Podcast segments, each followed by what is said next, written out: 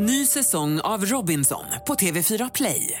Hetta, storm, hunger. Det har hela tiden varit en kamp. Nu är det blod och tårar. Fan händer just nu. Det. är Detta är inte okej. Robinson 2024, nu fucking kör vi! Streama söndag på TV4 Play. Podplay.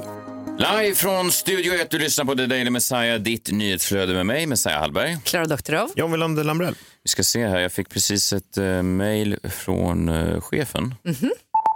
Veckans lyssnarsiffror. Åh, vad kul! Eh, Veckans lyssnarsiffror. Då visar det sig alltså här i eh, demon då, i, i målgruppen 18-49, den målgruppen som alla annonsörer så här vill åt. Det är den. Såklart att det är kul med barn, lyssnare och jättegamla lyssnare, men det är 18-49 som är... Ja, men så är det. det. Men 50-åringar är inte jättegamla kanske. Nej, men nej, men men- ingen, ingen bryr sig om dem riktigt. nej, men, Alltså, nej, men annons- alltså, annonsörerna bryr sig inte om Nej, dem. annonsörerna bryr sig inte om dem för att, för att de är passé och de har redan sina vanor och Just sina det. mönster och så. Ja. Så att, och det här kanske inte folk känner till som inte säljer annonser och sådär, men, men alla poddar vill åt den här 18-49. Och då visar det sig att i den här demon 18-49 i storstadsregionerna i Sverige var vi då vecka 43 den mest lyssnade podcasten i Sverige. Oj. Eh, I förhållande till föregående vecka. Ska jag säga. Den expo exponentiella ökningen var... Vi är nu Jaha, för etta... det säger inte jättemycket eller? Jo, men det gör det ju Jo, det ändå. gör det. Etta på iTunes i Sverige över en vecka. Tack för att ni lyssnar. Eh, Och jag har fått Wow. in de sista siffrorna här. Vi är även just nu eh, väldigt, väldigt stora i Abisko. Va? Abisko. Jag skrev, jag skrev för inte länge sedan att jag är jättesugen på gris. Ja, kanske det. Tre, Ligger det i Sverige? eh, högst upp i Sverige. Tre lyssnare. herregud. Eh, två av dem eh, trodde visserligen att det var en, en annan podd och och en stängde av efter tag. Men spelar ingen roll, vi har ändå siffrorna. Vad trodde de att det var? Vad sa du? Alltså någon ren Nej, jag, podd? vet- jag får inte alla siffror här, men det är i alla fall kul. Etta på iTunes, eh, etta i 18-49. Kul om man trodde att jag hade hybris innan, så är det ingenting mot vad som komma skall. Passa oss här.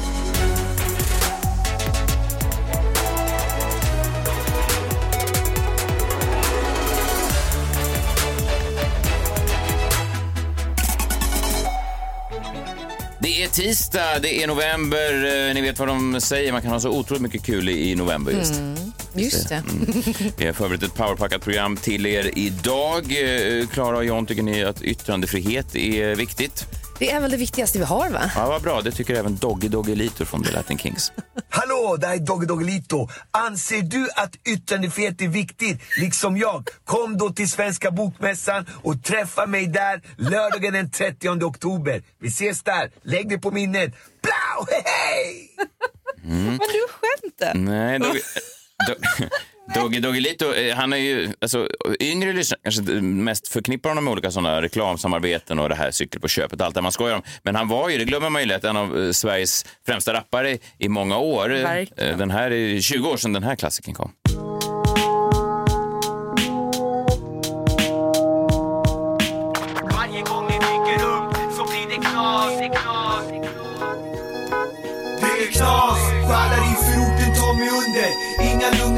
Stunder, för många pundar under. Det är knas. Och eh, knas visar sig vara också när Doggy Doggelito dyker upp på den här bokmässan i helgen. Och det visar sig att den kanske har en liten, liten, ska man säga, det är så lätt idag att man målas ut som en eh, sån eh, PK-nisse. Ja. Det ska man inte säga. Jag ska inte, jag ska inte säga att det var en nazistisk bokmässa. Nej. Men man kan väl säga att många av de som värnade om det fria ordet kanske inte var 100% säkra på att förintelsen verkligen har skett. Nej, Nej, men, jag förstår. Och, alltså, var det här är någon där? annan bokmässa. För det, bokmässan i Göteborg var, är ju i september. september, Ja, nej, det här är Svenska bok och mediemässan där vi kämpar. Eh, Då kom dit den 30 oktober, träffade Dogge och många andra yttrandefrihetskämpar.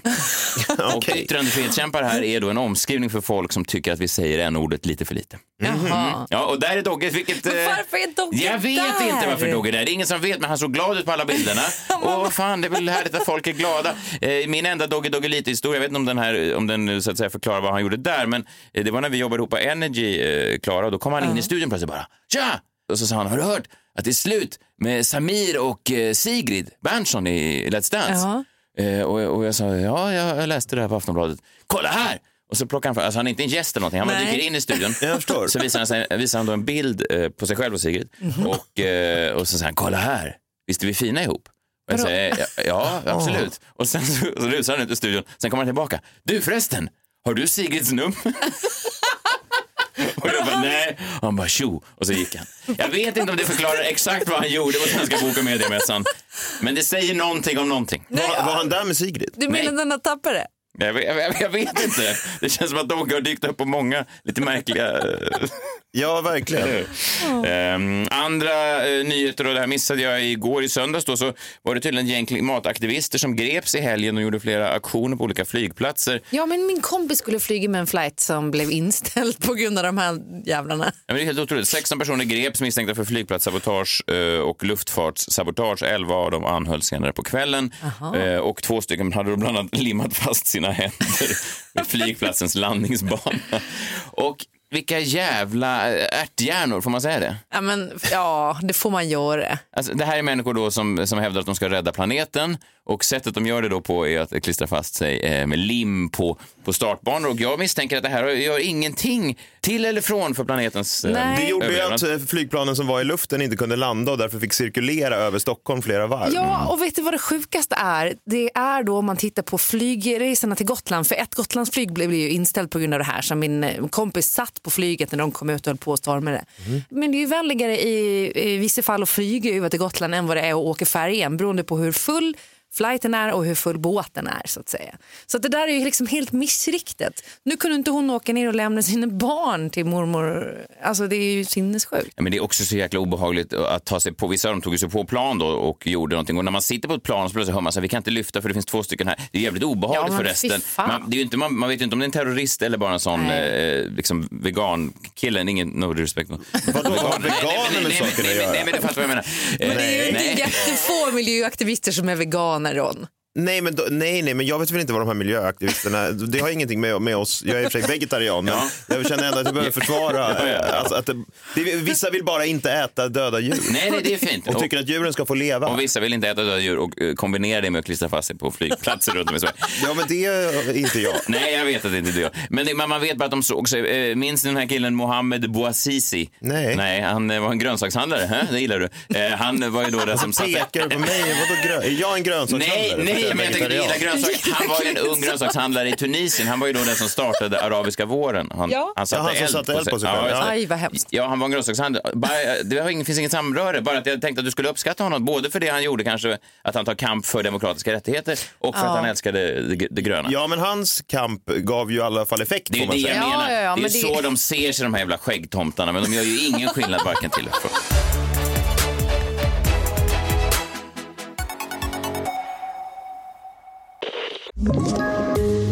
Poddtips från Podplay. I podden Något Kaiko garanterar östgötarna Brutti och jag, Davva, dig en stor dos skratt. Där följer jag pladask för köttätandet igen. Man är lite som en jävla vampyr. Man har fått lite blodsmak och då måste man ha mer.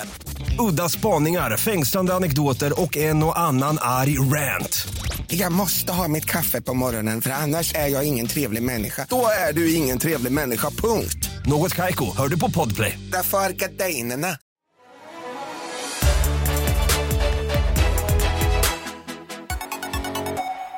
Klara Doktorov, eh, du har tittat närmare på serien som hade premiär igår som Mm. hette eh, Knutby helt enkelt. Exakt. Såg ni det på Aftonbladet om den här kristna Emanuelskolan i Borlänge?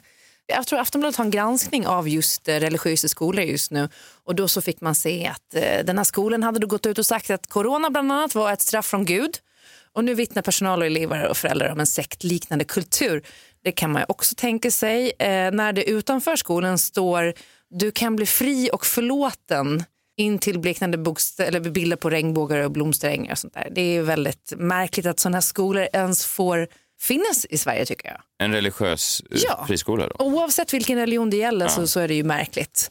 Och samtidigt då igår så hade Knutby premiär på Simor. Har ni sett eh, första och andra avsnittet som ligger ute? Nej, det har jag faktiskt inte. Nej. Nej. Det är romaner som är adapterat från romaner med samma namn av Jonas Bonnier och det är Alba August som spelar Anna som då ska motsvara barnflickan Sara Svensson.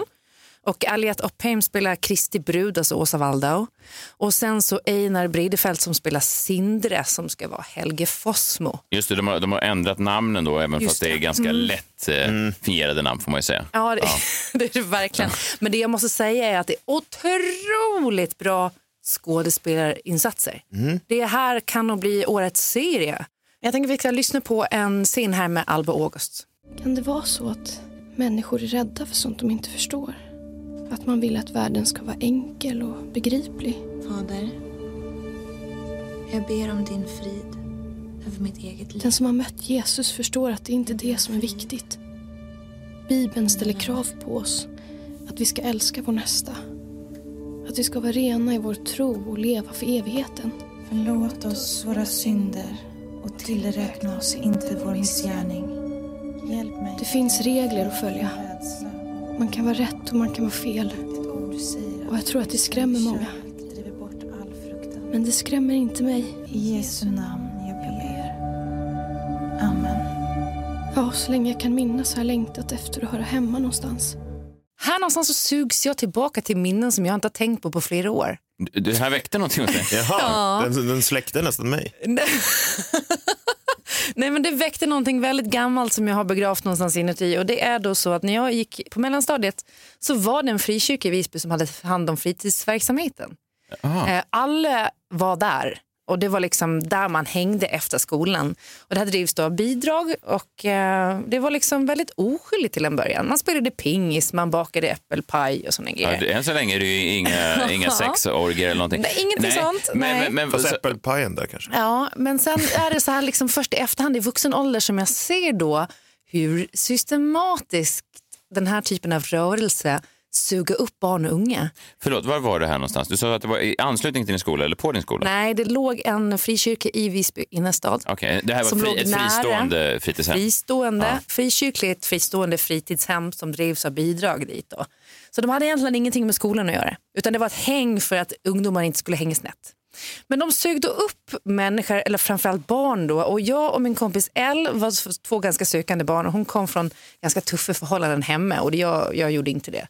Eh, men jag var också en sån där sökare liksom. I en annan scen i Knutby-serien eh, så är de ute på picknick och jag bara kände så här: wow, jag har varit exakt där. Exakt där.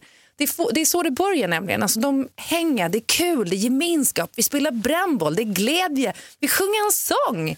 Man tänker att nu har man hittat hem. Jag blir sedd här.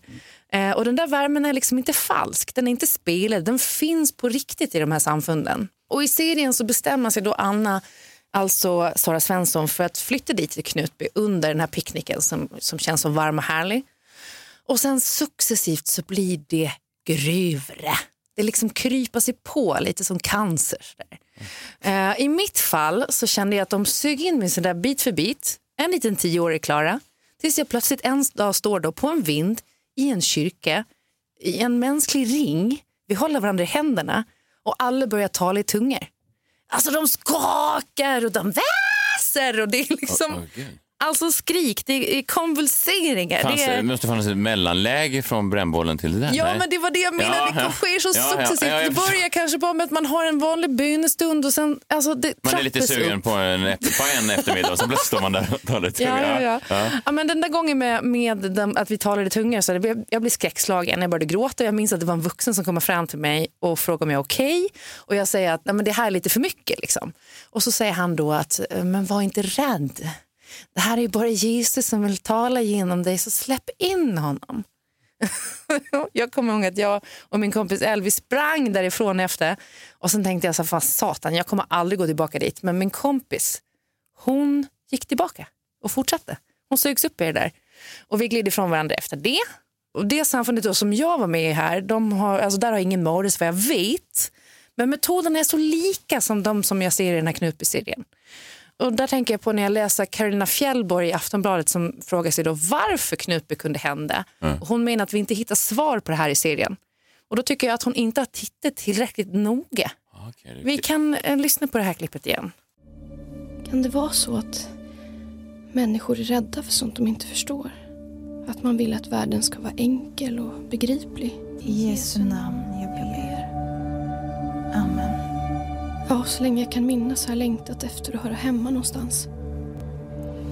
Ända sedan du dog kanske.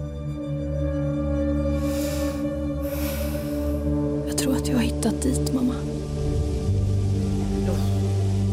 Här någonstans. Nej, jag får ju gåshud. Ja. Börjar nästan gråta. Är hela serien så här?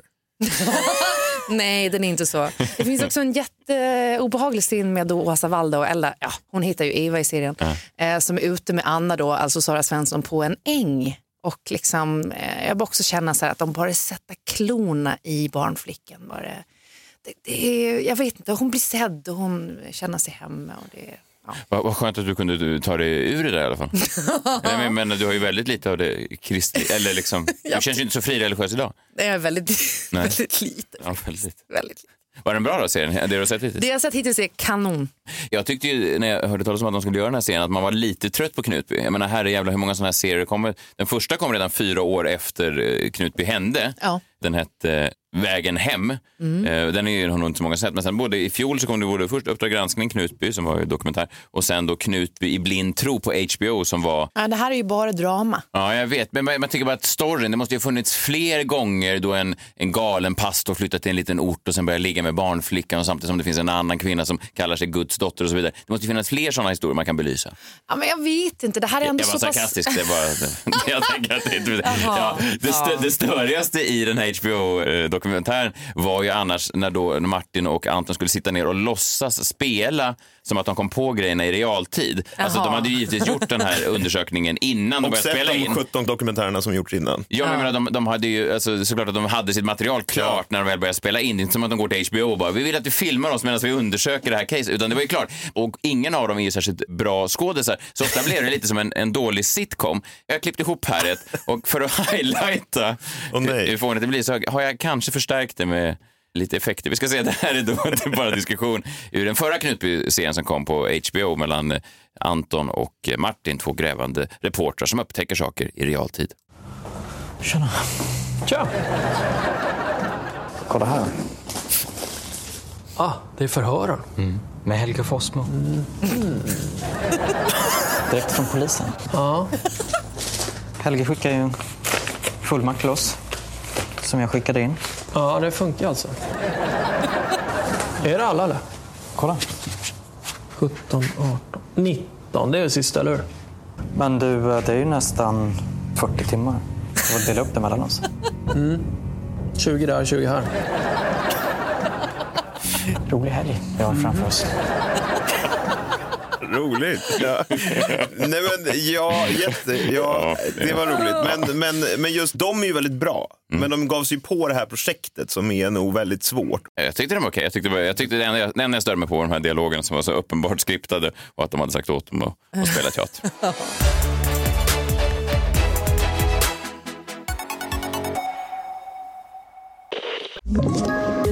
Poddtips från Podplay. I podden Något Kaiko garanterar östgötarna Brutti och jag, Davva, dig en stor dos skratt. Där följer jag pladask för köttätandet igen. Man är lite som en jävla vampyr. Man har fått lite blodsmak och då måste man ha mer. Udda spaningar, fängslande anekdoter och en och annan arg rant. Jag måste ha mitt kaffe på morgonen för annars är jag ingen trevlig människa. Då är du ingen trevlig människa, punkt. Något Kaiko, hör du på Podplay. Därför är gardinerna.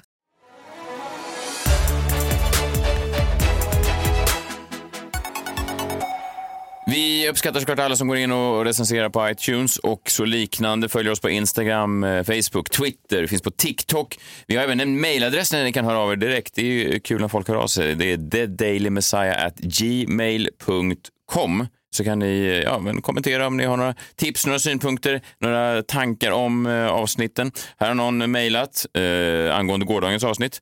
Kajan, vi pratade igår om eh, fågeln Kaja Ja. som då Bianca Ingrossos sminkmärke har döpt sig efter. Det är någon, skri- någon ornitolog här som hör av sig. Kajan är intelligent, nyfiken och social. Den delar med sig av det den gillar mest, till och med mer än schimpanser. Jaha. Ja. I svensk folktro varslar Kajan om regn ifall den skriker på kvällen. Okej. Ja, lite mer fakta. Men den är också tjuvaktig. Ja, men det, det, Det- vi det ifrågasätts inte. Nej, eh, sen kan ju andra, det behöver inte bara vara fågeltips på den här, men det är, mail, det är Daily Messiah Det är det enda vi har fått hittills. Ja, det är det. Men vad fan, det är kul att få någonting i alla fall. Välkommen till filosofiska funderingar.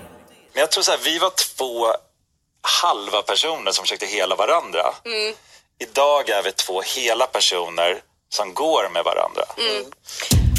Välkommen till filosofiska funderingar. Det är alltid fint att återvända till den där. Det där är ju alltså då eh, Ellen Bergströms kille som eh, influensen och bloggaren och skådespelerskan. Ellen Bergström, eh, hon träffar ju då den här, den här Bachelor-killen Bachelorn, ja. och de har ju fått barn och så vidare. Och det här är då när han ska sammanfatta hur jäkla fin deras relation var. Det är någonting vi alla kan ta med oss. en liten sån där. Ja, fint. Och det här får mig ofrånkomligen att tänka på ett annat segment som får hjärnan att arbeta lite grann. Vissa beskriver det som att ja, det är funderingar som får en att tänka. Och då brukar jag säga, nej, snarare tankar som får en att fundera.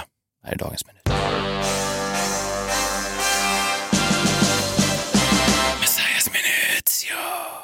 Idag tänkte jag prata om den stora svenska folksjukdomen. Jag kallar den sjukdomen för peppsjukan. Känner ni till den här? Peppsjukan är en jävla obehaglig sjukdom. Var jag ändå har gått den senaste veckan har jag fått samma fråga. Känner mig så här. Är du pepp? Är du pepp eller? Är du, är du pepp? Är, är, är du pepp på gång? Är du pepp? Och, och jag vill, jag vill alltid svara samma sak. Nej, jag är inte pepp eh, eftersom jag inte är ett barn, eftersom jag inte är sju år gammal och står i kön till godisaffären. Men överallt jag går, på ett firmagig jag gjorde förra veckan, jag dyker upp på någon sån eh, snusgala, jag ska dela ut pris, kommer fram någon sån, är du pepp? Nu är allt pepp, nu är allt pepp. Jag, nej, jag ska jobba, jag är inte pepp. Eller på giggen i Göteborg förra veckan, någon scenarbetare, tjena mannen, nu är du peppa! Ah? Eller varje gång jag kommer in här på det här mediehuset och vi ska spela in den här podden, så är det olika män i dyra kostymer som bara pekar på mig med sina långa executive-fingrar och säger, du är pepp mannen, du är pepp. Du hatar när någon säger det. Ja, men det, min version av helvetet, det är en massa fotbollskillar och fitnesstjejer och businesskillar som bara springer runt och pekar på varandra och på mig och tvingar alla att vara konstant pepp. Jag vet inte vad det betyder. Jag, vet, jag förstår inte är folk ihop med de här människorna? Hur knullar är du pepp-människorna? Är det bara två själar som nakna ligger på varandra och frågar varandra, nu är du peppa, är du pepp, är det pepp? Och sen är det över så torkar de av sig med sådana våtservetter de blir rena och desinficerade. Men det, det är obehagligt, har ni inte märkt det här? Men de kanske tror att du är alltså Pep Guardiola, fotbollstränare. Nej. Alltså att du är lik honom. Han är superflintis. Nej, du är ju inte Nej. lik honom. Nej, det är det nej. ju konstigt. Ja, man kan skoja om det så, och jag är vuxen, jag kan ta det. Men det är som en, en mall som vi alla tvingar svenskar att leva efter. Eh, när min dotter var, säg, tre år, då blev vi kallade till ett krismöte då på förskolan eh, där hon gick. Och då var det en eh, förskollärare som hette Anna som kallade in och så fick vi sitta där, jag och eh, min dotters mamma. Och så satt vi då och sa den här Anna, ja, vi är lite rädda att det kan vara något med er dotter. Att det kan vara Va? någonting med er dotter. Hon är inte exakt som de andra barnen när de är ute och leker på gården och sådär. Så, så ser hon, det är lite annorlunda och som förälder blir man ju rädd. Man tänker, men gud, vad är det som har hänt? Vad är, Ja. vad är det som skiljer henne? Och då sa den här Anna, jag, jag vet inte exakt hur jag ska säga det, men om man jämför med de andra barnen när de leker så verkar hon inte vara lika, lika pepp. Och jag, ni förstör ju barnen, ni förstör ju liv.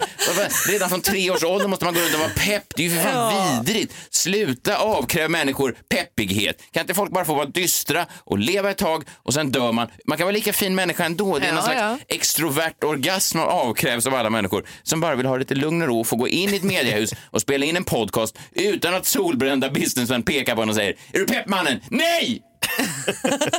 ja. eh, om jag fick en önskan, vi pratade ju om julkalender och sånt där igår. Eh, min önskan för julen 2021 är en värld där ingen någonsin frågar mig om jag är pepp igen. Men är du pepp?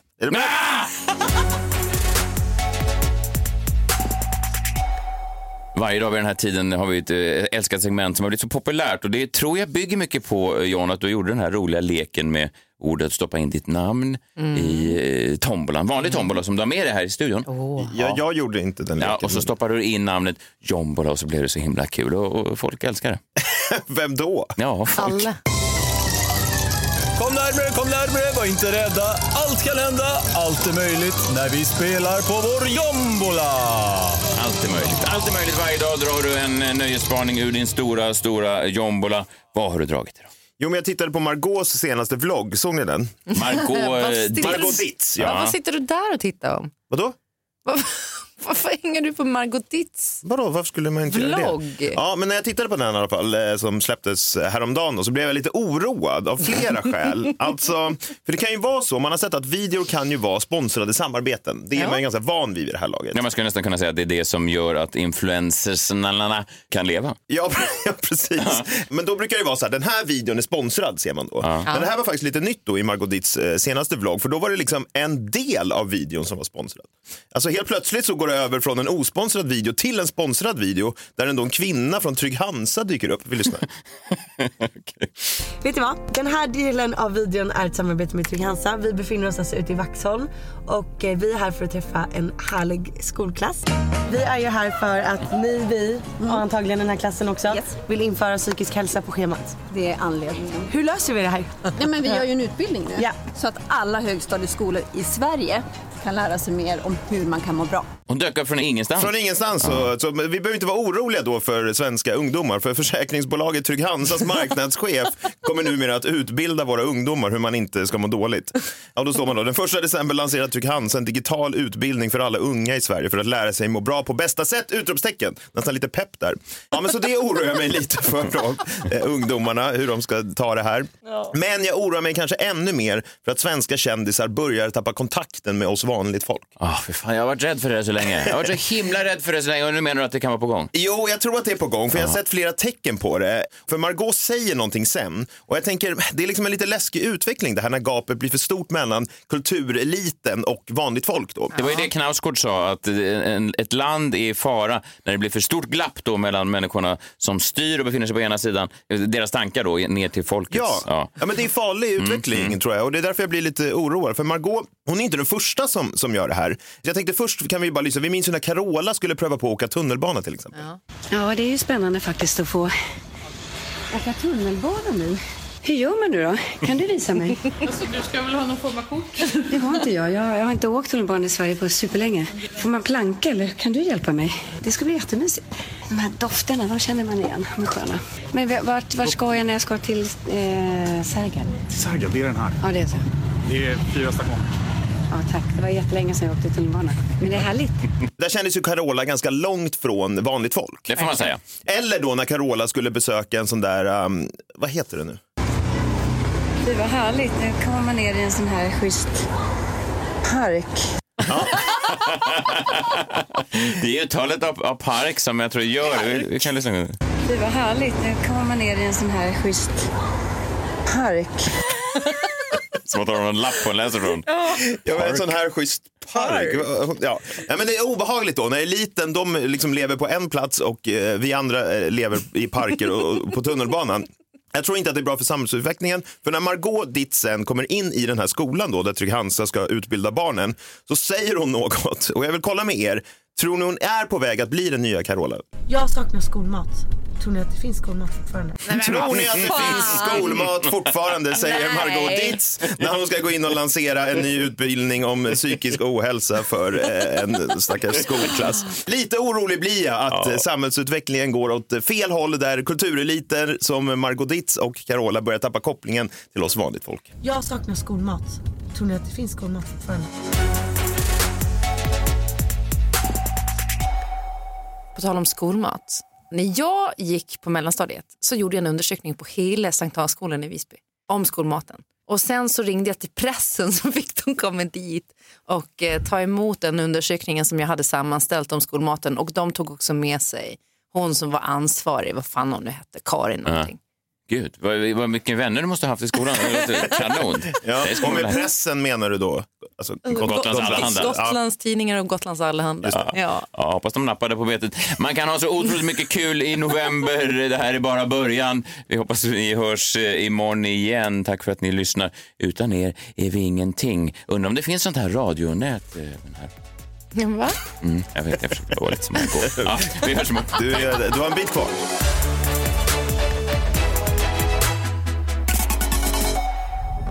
Podplay, en del av Power Media. Ett poddtips från Podplay. I podden Något Kaiko garanterar östgötarna Brutti och jag, Davva, dig en stor dos skratt. Där följer jag pladask för köttätandet igen. Man är lite som en jävla vampyr. Man har fått lite blodsmak och då måste man ha mer. Udda spaningar, fängslande anekdoter och en och annan arg rant. Jag måste ha mitt kaffe på morgonen för annars är jag ingen trevlig människa. Då är du ingen trevlig människa, punkt. Något Kaiko, hör du på Podplay. Därför är gardinerna.